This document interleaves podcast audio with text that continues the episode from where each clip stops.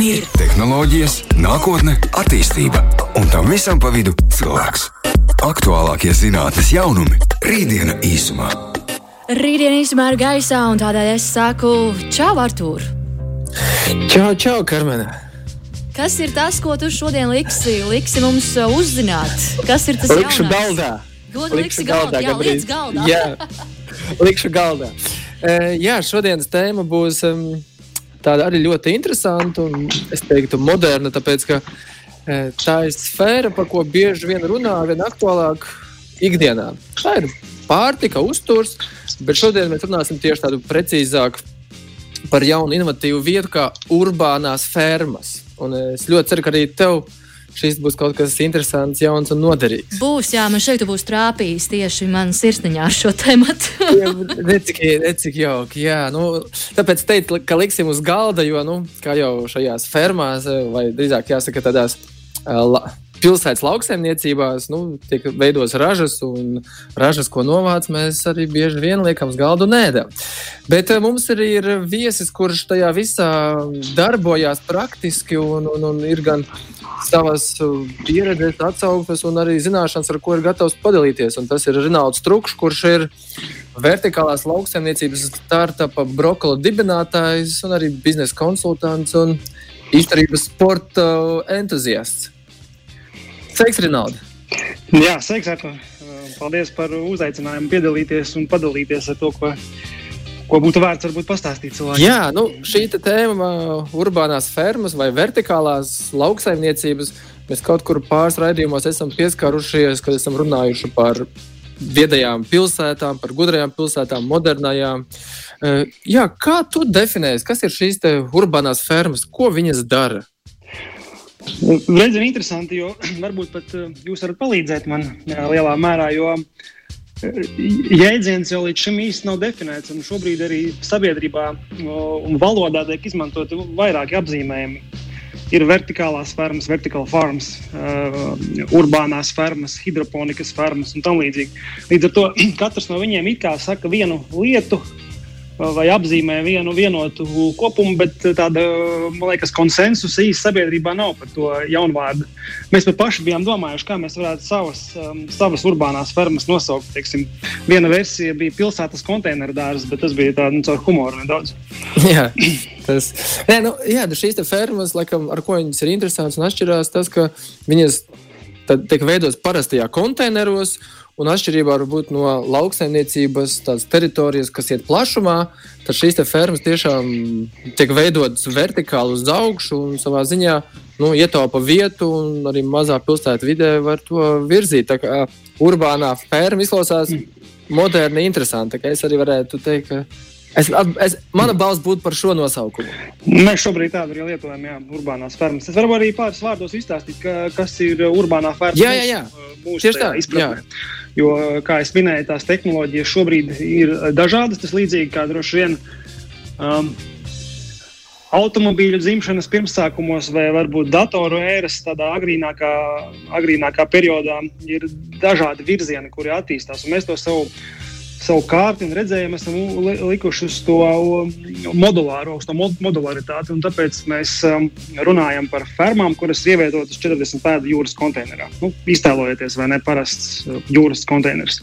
Un, attiecīgi, um, šajā konteinerā, ko mēs dēvējam par urbāno fermu, tad ir um, tehnoloģiski ievietotas dažādas sistēmas, kas nodrošina pilnu cikla uh, augšanas apstākļus, ideālus augšanas apstākļus augiem.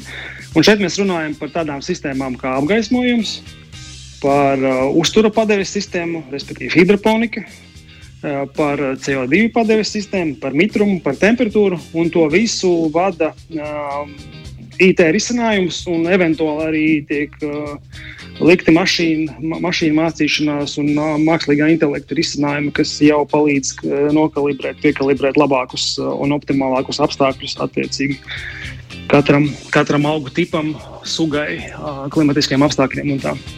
Kā tu pats nokļuvi līdz šī, šai idejai? Vai tu kaut kā izglītojies, esi agronoms, lauksaimnieks, nu, nāc no ģimenes tradīcijām? Kā tu nokļuvi līdz tam, ka kaut ko tādu veidot? Jā. Agronoms tik tāls, cik kā jebkurš latviečs, vai ne, kas bērnībā ir avējis vietas. Bet tās vienkāršas jautājums, uz šiem atbilde būs sarežģītāka. Viņa sastāv no divām daļām. Viena slēpjas manā pieredzē, jo es kā biznesa konsultants esmu vairāk kā 15 gadus strādājis ar produktu un tehnoloģiju inovācijām. Un to starp varētu teikt, pārsvarā tā skaitā pārtikas nozare. Man ir aptuveni saprotami procesi, kā notiek lietas pārtikas nozarē un kontekstā. Tā ir tā viena daļa. Nu, otra daļa būtu tas mans uzņēmēja gēns varbūt. Un, tā varētu teikt, ka biznesa iespējas rodas kā tādu kā nozares tektonisku svārstību rezultātā. Un šobrīd kā reiz šī lauksaimniecības transformācija šķietami atrodas tādā būtiskā transformācijas momentā. Un, uh, liekot šīs abas lietas kopā, nu, es un uh, mani partneri esam likuši to kārti, kad uh, gribam piedalīties šajā vertikālās lau lauksaimniecības spēlē, kurai ir ļoti, ļoti, ļoti liela izaugsme šobrīd. Kā tu varētu varbūt, tā pastāstīt, ar ko nu, ir šīs nu, urbānās fermas vai vertikālās fermas, ar ko viņas tiešām ir labas un kāpēc viņas būtu jālieto? Jo nu, it kā jau mums Latvijā zeme ir daudz un mazdārziņu tāds mazdārziņu dzīvesveids arī ir ir saprotams. Mums jā, un mēs varbūt nenovērtējam to savas zemes um, pievienoto vērtību, to, kas mums ir.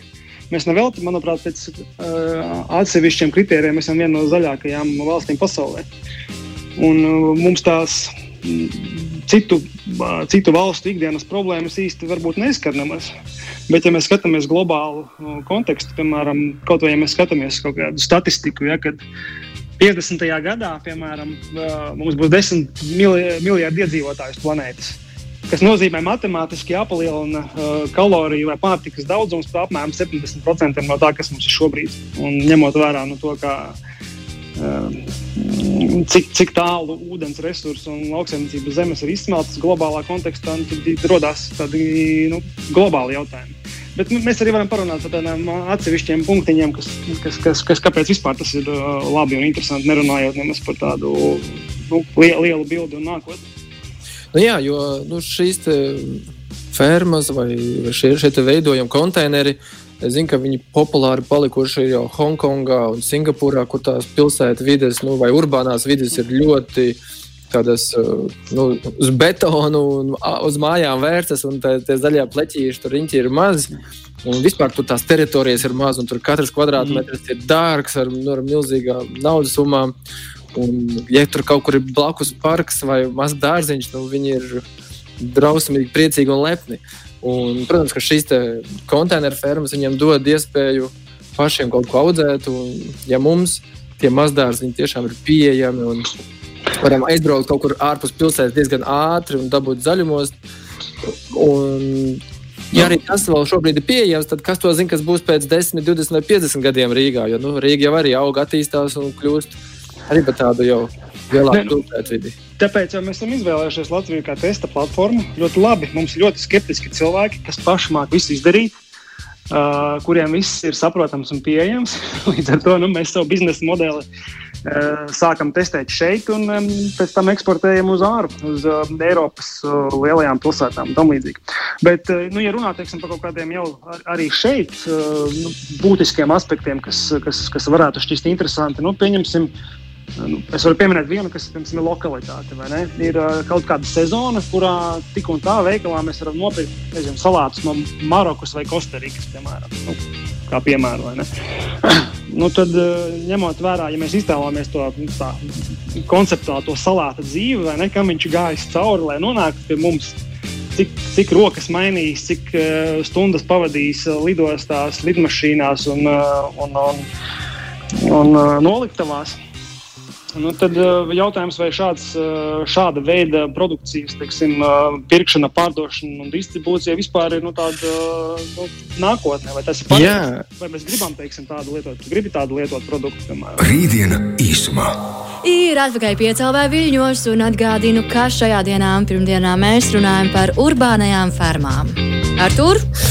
Jā, mēs šodien runājam par, es teiktu, katram aktuālo tēmu - pārtiku, ēdienas, un visiem jau patīk kaut ko garšīgu pāriest. Un uh, tas, ka mēs īsākām runājam, jā, ka nu, mēs nezinām, kas uz galda mums uznā, atnāk vai tika atvests no tālām zemēm. Un man uzreiz atmiņā bija tāds tā kā, izteiciens, nu, ka, kad mēs runājam par veselīgu pārtiku, tad parasti runā, ka veselīgs ēdiens ir tāds, ko tu pats esi pagatavojis. Nu, tad tu zini, kā un mēģini pēc iespējas labāk to izdarīt. Bet vēl veselīgāks ēdiens ir tas, ko tu pats esi izaudzējis. Tad šoreiz mēs arī runājam par uh, iespēju konteineros, pilsētu vidē, jebkuram kļūt par lauksaimnieku, veidot un audzēt pārtiku un lietot arī to. Un mums ir viesis Rinalds Trukšs, kurš arī nodarbojās ar šīm urbānām fermām un eh, veido pilsētu vidē tādus agronomiskos veidojumus. Rinaldi, eh, man kā, ir tāds jautājums par, nu, teiktu, par efektivitāti. Jo, ja mēs veikalā iegādājamies nu, produktu, eh, tad mēs kā no rēķinamies, protams, par kaut kādām izmaksām. Kā šī gadījumā šo, šo audzēt šajās, šajos konteineros pārtiku? Cik tas energoefektīvi ir un cik vispār tas ir finansiāli izdevīgi? Rinaldi? Jā, mikro... Jā, esmu atpakaļ. Um, Neliels komentārs, ka starp citu arī, lai gan, lai gan šīm te tehnoloģijām nosaukums ir urbānās farmas, viņas ļoti labi būtu izmantojams arī piemēram, attālos uh, reģionos, kur kā reiz vispār nav piekļuve ne, ne, ne, ne, ne pie kādām komunikācijām un, uh, un atšķirības teiksim, no reālās pasaules. Tas, tas var būt tāds paradoks, sanāk, urbānā ferma, kas varētu būt uzstādītais polārā lokā, piemēram. Bet, yeah. ja atbild uz tavu jautājumu, tad um, uh, šobrīd uh, mēs savu produkciju pārdodam Latvijā, un uh, tā cena nostājās varbūt nedaudz. Uh, ar mazu prēmiju virs tā, kas ir līdzīgi produkti. Pierasti, pierasti iegādāties viena vienība bazilika, viena vienība piparmētra vai tam līdzīgi. Un uh, te arī ir atbilde, ka nu, mēs uzskatām, ka mūsu produkts uh, uzturu ziņā un kvalitātes ziņā ir labāks. Tāpēc arī mēs tādu cenu tā kā, gribam par viņu. Līdz ar to arī nu, tās, um, to ir iespējams uzražot. Un, uh, Un tas nav teiksim, nekāda, nu jau tā vairs nav tāda Marsa tehnoloģija vai kaut kas tamlīdzīgs, kas ir 15 reizes dārgāks un, un, kosmoss kaut kad nākotnē. Nu, tā ir reāli. Šodien, kas tagad, šobrīd, kamēr mēs runājam, notiek. Bet kā tie konteineri ir? Es varu audzēt dažādus augus un dārzeņus, vai tomēr nu, viena veida man tomēr jāaudzē. Tur ir uh, viens konteiners, viens klimats. Un, viens klimats. Jā, augi, viena sezona, tā varētu teikt. Tā kā, jā? Es teiktu, tā, ka uh, augiem ir kaut kāda geogrāfiskā izcelsme. Un līdz ar to viņi ir raduši dzīvot uh, attiecīgos laika apstākļos. Un mēs nevaram likt uh, kopā kopā augus, kur ir dažādas, eh, kuru sēklas, kuru, kuru saka, ģenētika, kuru vēsture ir no dažādiem eh, klimatiskajām zonām. Līdz ar to mēs varam grupēt līdzīgus, līdzīgu klimata augus vienā, vienā urbānajā fermā. Līdz ar to, ja mēs gribam dažādus klimatus, mēs lietojam dažādas fermas. Mēs nu, šobrīd vēl neesam tajā brīdī tur, un droši vien, ka nekad nebūsim. Vispār tas nav tāds mērķis, ka taisīt multi, multi klimatus uh, vienā, vienā konteinerī. Konteineris pats par sevi jau ir pietiekami maza vienība. Bet atsevišķus parametrus iekšā viena konteinera var uh, kontrolēt, piemēram, uh, dažādu daļu uh, gaismas intensitāti. Piemēram vai tam līdzīgi. Vienā spilgtāk, vienā mazāk spilgti. Ja? Jā, jā, nu, jā. Teiksim, kā piemēram, mēs varam teikt, ka mēs uh, savas urbānās fermas vienā pusē vairāk audzējam baziliku, otrā vairāk piparmēķu. Nu, tāds praktisks piemērs. Jo ir nedaudz, nedaudz citādi gaismas intensitātes apstākļi vajadzīgi. Ka, kas vispār tur iekšā tie konteineri ir? Jā, viens ir gaismas, laikam tās LED gaismas diodes. Jā. Kas vēl ir tajā visā, vai tur arī zeme ir, vai tur ir kaut kāds cits veidojums, kur aug? Um, šis tāds plašs jautājums, kā, kas tur ir. Nu, vismaz tādas lielās detaļas varbūt. Jā, lielās detaļas mēs uh, ieejam šajā urbānajā fermā un mēs redzam lauku sistēmu. Ļoti, ļoti vienkārši līmeņos, kā tu sākumā raidījumā minēji, kad uh, augi ir izvietoti vertikāli viens virs otru, tādās kā paplātēs, ja mēs tā varam nosaukt. kurām ir pievadīts uzturvērtību šķīdrums. Augšpusē viņiem ir LED apgaismojums, un paralēli klimata nodrošina. Tad, tad tiek, tiek vadīta, vadīts mitrums, vadīta temperatūra, vadīts CO2 līmenis un arī vējš. Jo augi tāpat kā cilvēkiem, viņiem nav vajadzīgas svīšanas process, ja, un tad vējš to nodrošina. Bet, ja atbild arī uz to jautājumu par, par, par augsni, tad, tad nē, tad šajā hidroponikas metodē augsni nelieto, lieto uh, substrātu, kas var būt, nu, tur ir dažādi, dažādi varianti. Teiksim. Akmens vata, dažādi putu, polisterola veidojumi, Bet tas, ko mēs lietojam, ir kokosriekstu šķiedra, kokosriekstu šķiedra substrāts, kurā ieliek sēkliņu. Un, uh, tad, uh, tā ir tā vieta, kur augiem veidot uh, sakņu sistēmas. Ja es nu, piemēram, pats sev iegādājos tādu konteineru, un es pēkšņi gribu vienā stūrī audzēt piparmētru, citā baziliku. Uh, Vai man ir jākļūst tiešām par tādu agronomu un jāpārzina šīs te temperatūras un klimata vajadzības, vai es kaut kādā formā uzspiežu, reku man šī stūrī aug piparmētrs, šeit mums aug baziliks, un tālāk viņš pats jau nodrošina pilnīgi visu klimatu, kas nepieciešams, lai izaug vislielākie, skaistākie yeah. augi. Um. Tā ir tā doma, principā, ko mēs ar savu biznesu gribam panākt.